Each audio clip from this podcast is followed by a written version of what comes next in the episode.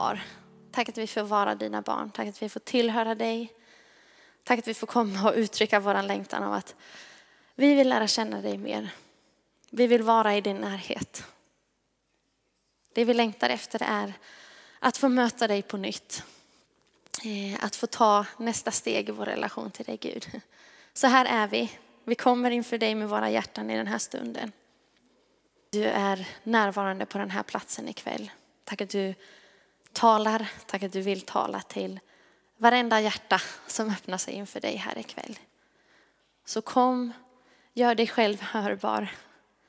Eh, öppna våra hjärtan så vi får förstå ordet, så att vi får förstå vem du är och förstå lite mer av din vilja och lärjungaskapet till dig Gud.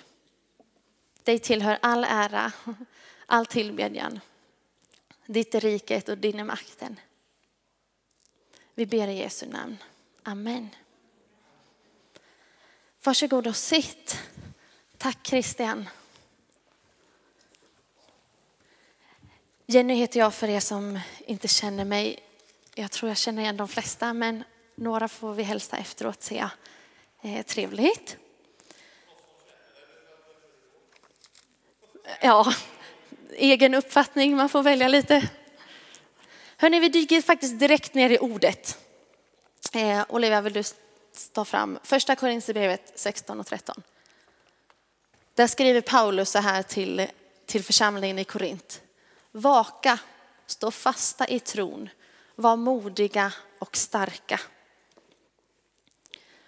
Och så läser vi eh, nästa också där. Stå därför fasta och orubbliga, mina älskade bröder. Arbeta alltid hängivet för Herren. Ni vet ju att er möda i Herren inte är förgäves. Jag fastnade lite, jag satt i veckan och funderade lite på vad jag skulle dela här idag och så hade jag en eh, bakgrundsbild på min mobil som det står Stand firm in faith eller Stand firm in the faith. Och så satt jag och bad hemma och så bara kände jag att nästan orden bara hoppade upp från skärmen. Bara att, wow, vad viktigt att stå fast i tron. Så de eh, orden ploppar ut lite. Så att det är det som blir eh, temat för den här kvällen. Och jag fastnar för de här orden. Så funderar jag på så här, vad innebär det? Varför är det relevant för oss idag? Så insåg jag att min generation har nog ganska svårt att stå fast. Vi har svårt att committa till någonting fullt ut. Det kan vara lätt, det kanske inte bara är min generation, men ja, samhället idag, eller mänskligheten som liksom helhet. Det är svårt att stå fast, det är svårt att committa. Det kan till exempel vara lätt att i början av någonting nytt vara jättetaggad, men sen kanske intresset dör ut med tiden och då dör också the commitment ut med tiden.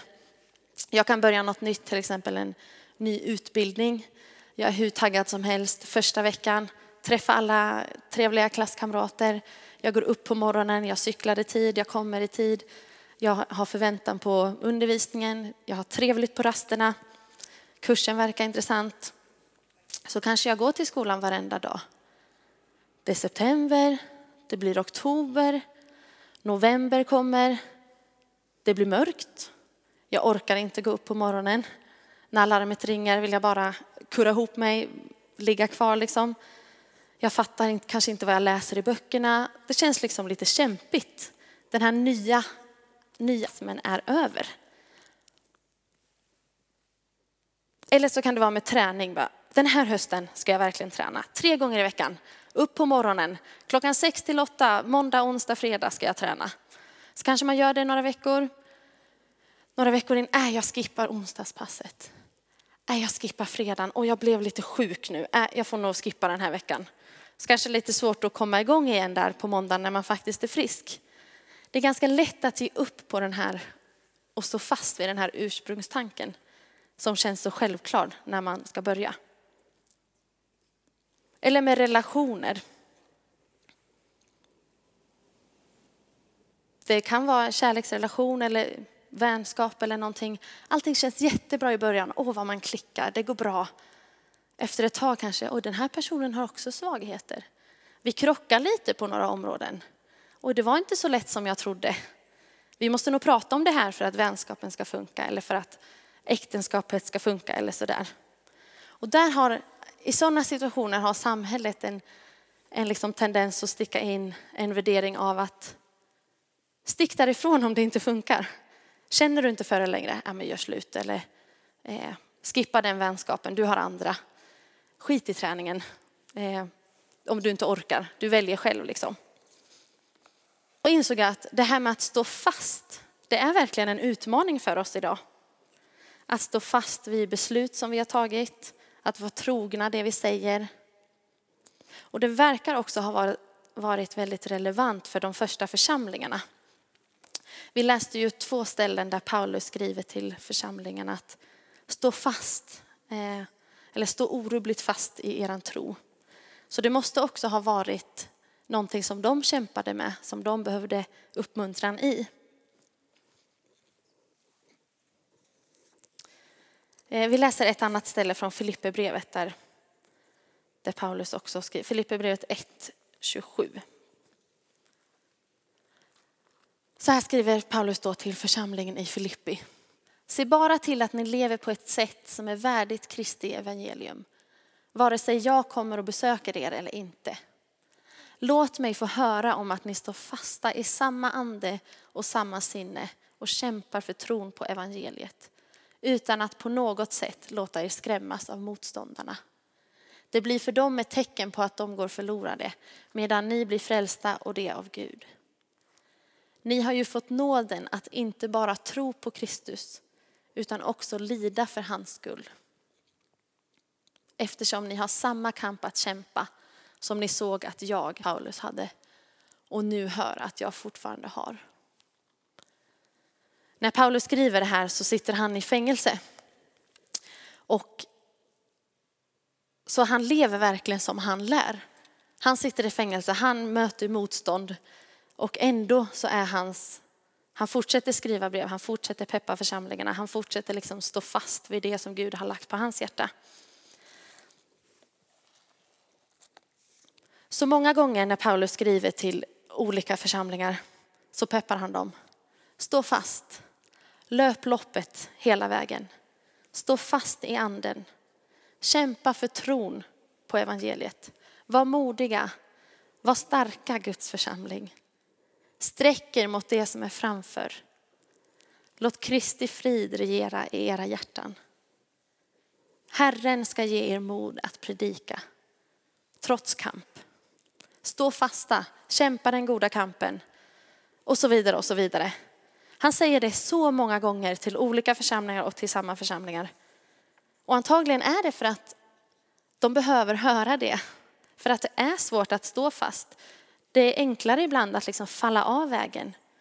För om det hade varit enkelt, då hade ju Paulus inte behövt säga det så sjukt många gånger. Jag har nämnt det norrut, så några vet det säkert, men jag tränar beachvolleyboll. Vilket är en sport om man, en lagsport om man spelar 2-2. Eh, ibland går det väldigt bra. Det känns kul att träna. Man vinner matcher. Det känns som att ja, men, slagen sitter, det är trevlig stämning på planen. Det går bra liksom. Ibland går det sämre. Man för, vi förlorar. Ingenting sitter. Känns som att oj, har jag tränat eh, har jag aldrig tränat förut eller varför kan jag inte slagen? Och sådär. Eh, och när jag ställs inför en situation så kan jag ju bemöta den på olika sätt. Om jag har en jättedålig träning eller en jättedålig match och vi ligger under med liksom 4-12 då kan jag ju välja, hur ska jag bemöta det här?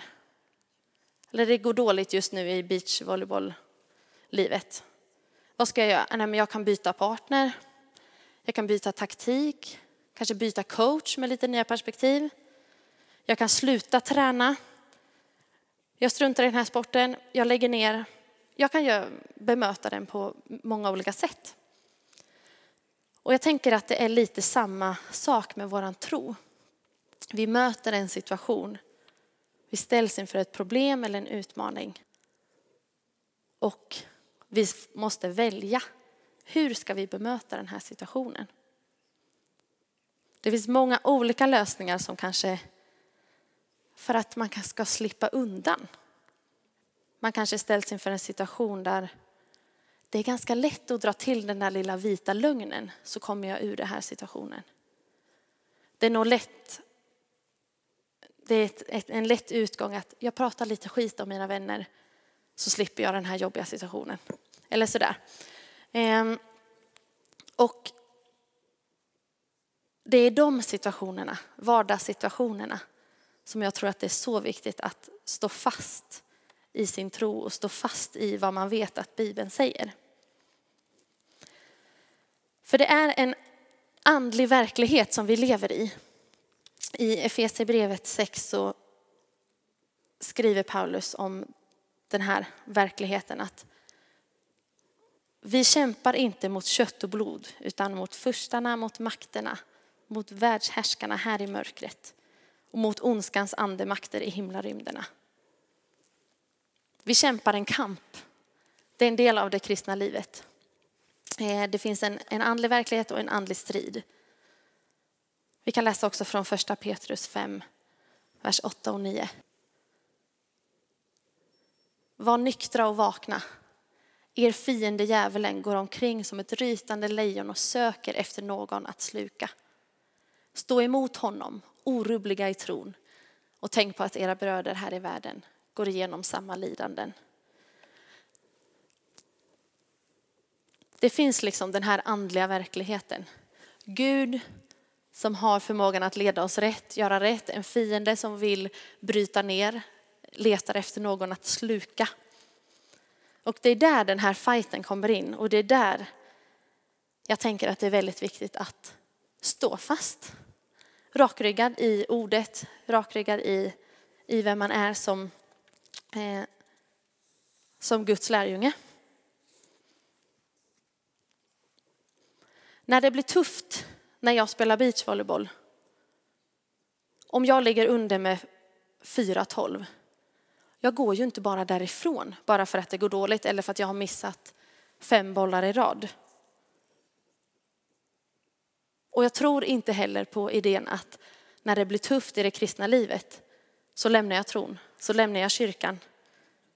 För att jag går igenom lidande eller för att jag inte förstår allting i ordet eller för att jag är lite vilsen i min identitet i Gud.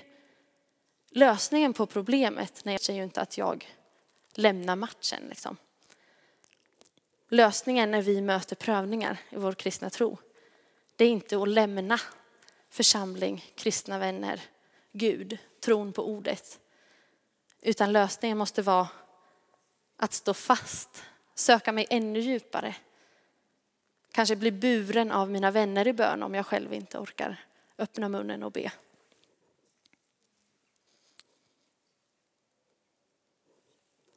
Efter att Paulus har skrivit det här att vi kämpar inte mot kött och blod utan mot, eh, mot världshärskarna och mot liksom andevärlden. Så skriver han, bli starka i Herren och i hans väldiga kraft. Jag tänker att det är där på något sätt vi måste börja. Kanske är det den insikten som gör att vi orkar kämpa kampen. Att inse att i min egen människa, i min egen mänsklighet så är jag inte stark. Men i Herren finns min styrka. Det är i Herren, i relationen till Gud, i att ge den helige ande utrymme att verka i mitt liv. Det är där som jag är stark. Det är där jag kan kämpa kampen. För i min egen kraft, då är jag ganska körd. Då kommer jag inte långt. Då kommer jag garanterat att falla. Som första grejen, Just det, jag klarar mig inte själv. Jag är fullt beroende av dig Gud för att klara av detta.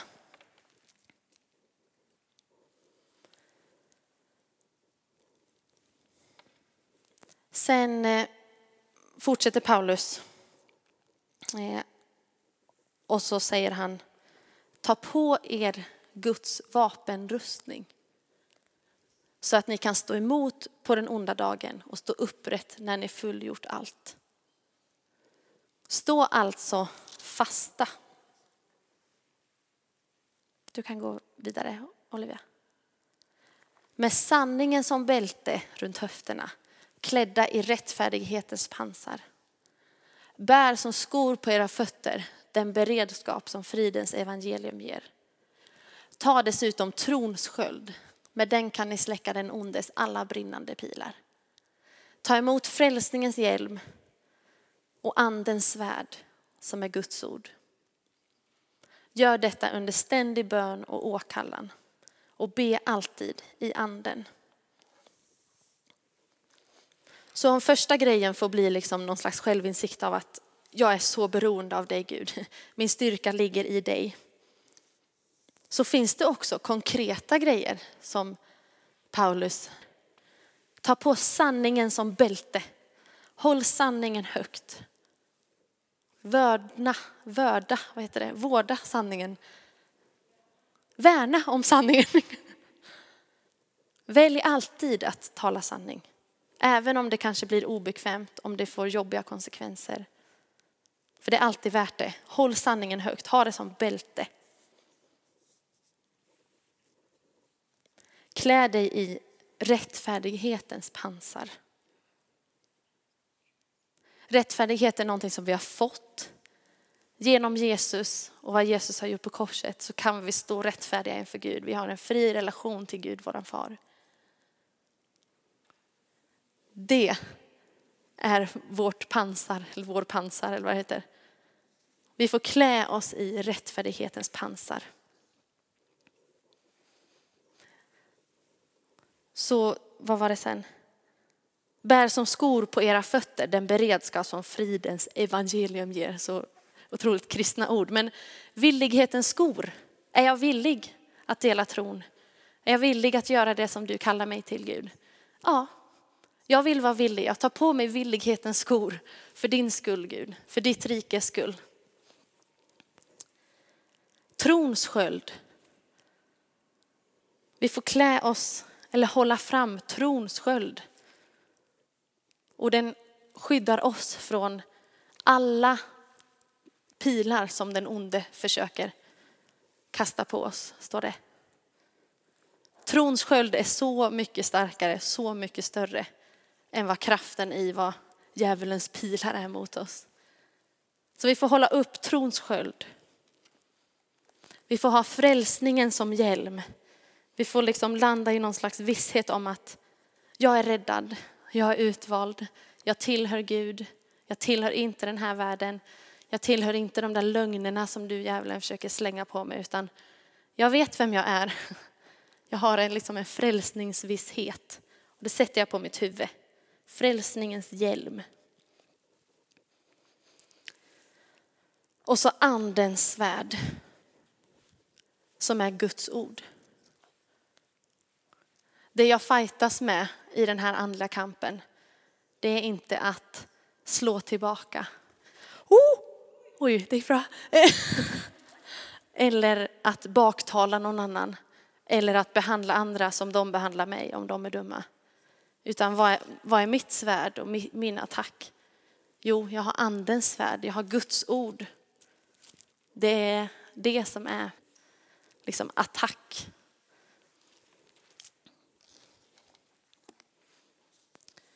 Jag har en, eh, en man i min gamla församling, uppvuxen uppe i Falun, eh, som har en sån otroligt envis inställning.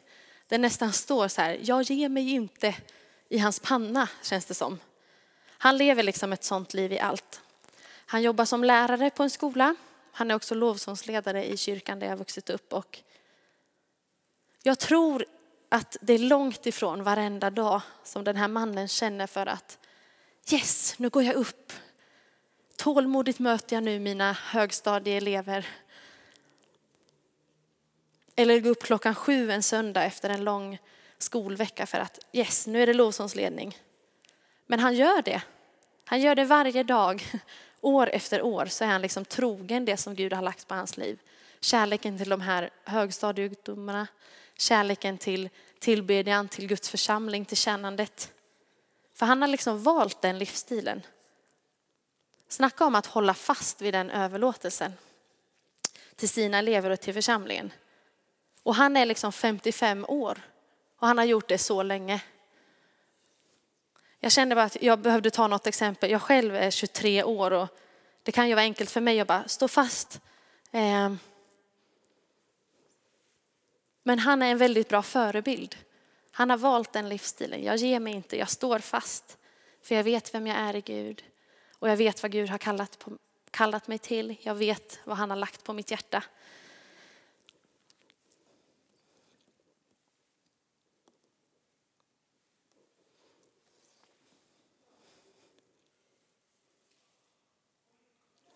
Så jag skulle vilja uppmuntra dig och oss att stå fasta.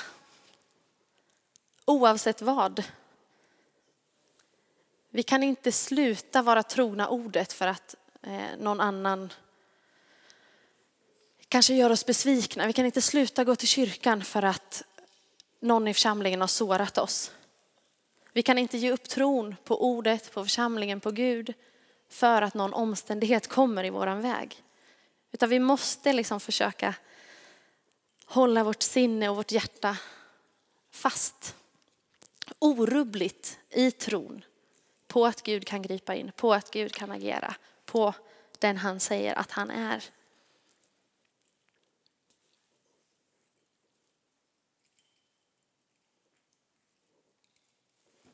Jag eh, funderade lite på det här och förberedde mig för det här att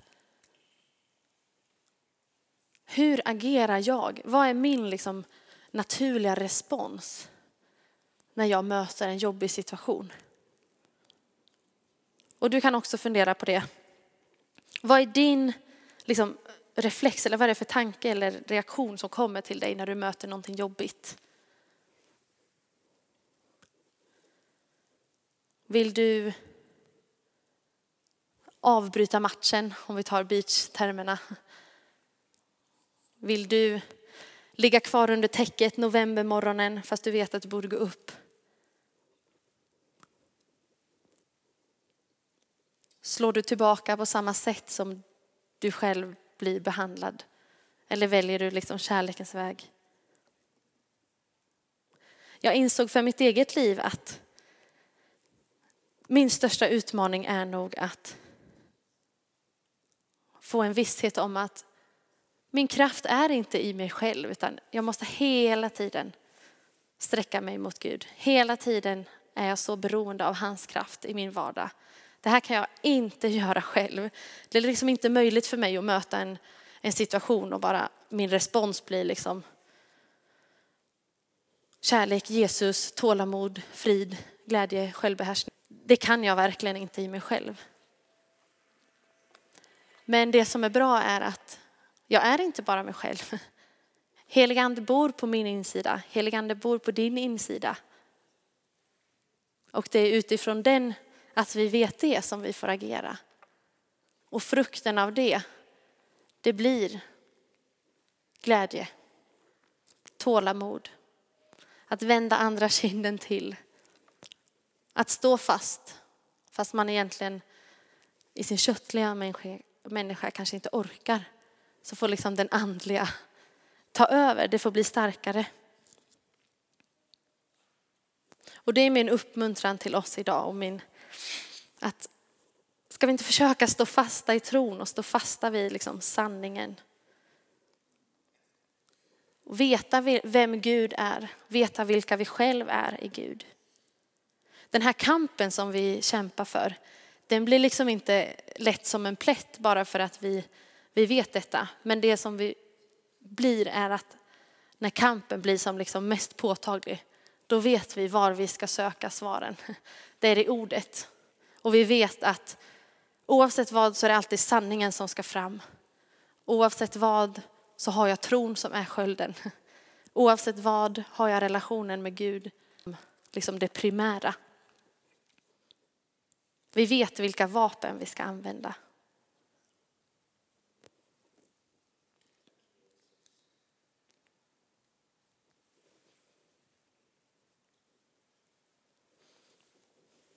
Tänk om vi, gänget här i Linnéakyrkan, kunde vara sådana att en ny situation uppstår, en utmaning, en, en jobbighet. Och vårt bemötande blir inte att skylla ifrån sig, baktala, släppa tron på mänskligheten, tappa hoppet, gå till hopplöshet, utan mitt bemötande eller min inställning får liksom bli Yes, vi kör Gud. Jag står fast i dig. Jag står fast i, i vem du är, i vad du har sagt. Jag väljer sanningen. Jag väljer att tro det som du säger.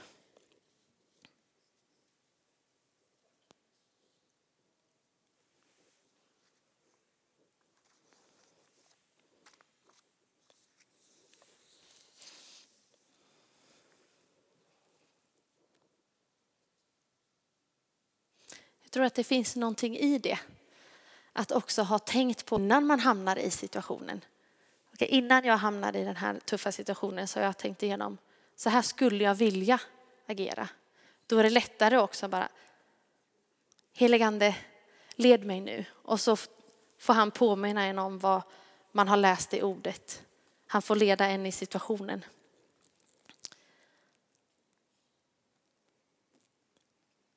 Vi kan stå upp tillsammans.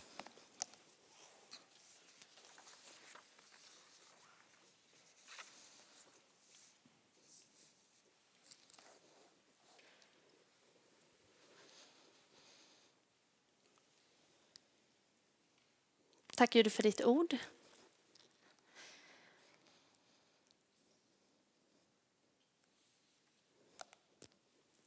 Tack att vi får ha en relation med dig, att vi får ha vår identitet i dig. Tack att du, du är mitt ibland oss i, i den andliga verkligheten. Tack att du är den du säger att du är. Och Gud, du ser våran längtan nu att få stå fast i ditt ord, stå fast i, i dig. Att i när situationer uppstår få få veta vilka vi är, veta eh, din rike. Tack heligande att du bor på vår insida. Tack att du aldrig lämnar vår sida, att du eh, har gett oss redskap att möta allting som vi kommer möta i våra liv. Tack att vi får eh, den här kvällen får eh, stämma in i den här vapenrustningsbilden. Att vi vill ha sanningen som bälte. Vi vill klä oss i rättfärdighetens pansar. Vi vill ta på oss villighetens skor för att bära fram ditt evangelium och din tro, ditt ord. Tack för att du utrustar oss med trons sköld som får stå emot allt vad djävulen försöker förstöra. Tack att vi kan frimodigt klä oss med frälsningen som hjälm. Tack att du har gett, dem anden, att du har gett oss anden och ditt ord som vårt svärd.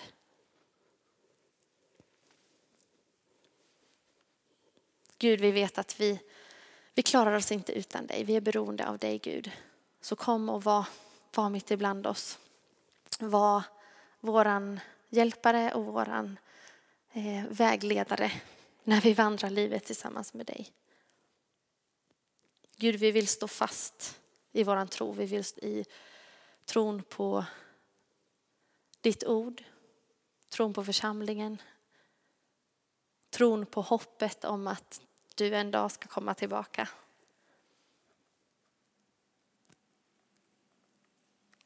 Så Gud, jag ber, jag ber också om, om att du får ge tron som gåva där det behövs. Där otro har kommit in ber, ber vi att din tro ska få trumfa och ta över.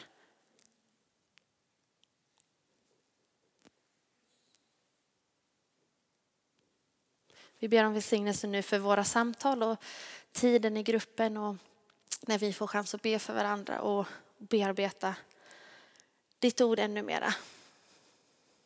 Kom heligande och, och led oss. Vi ber i Jesu namn. Amen.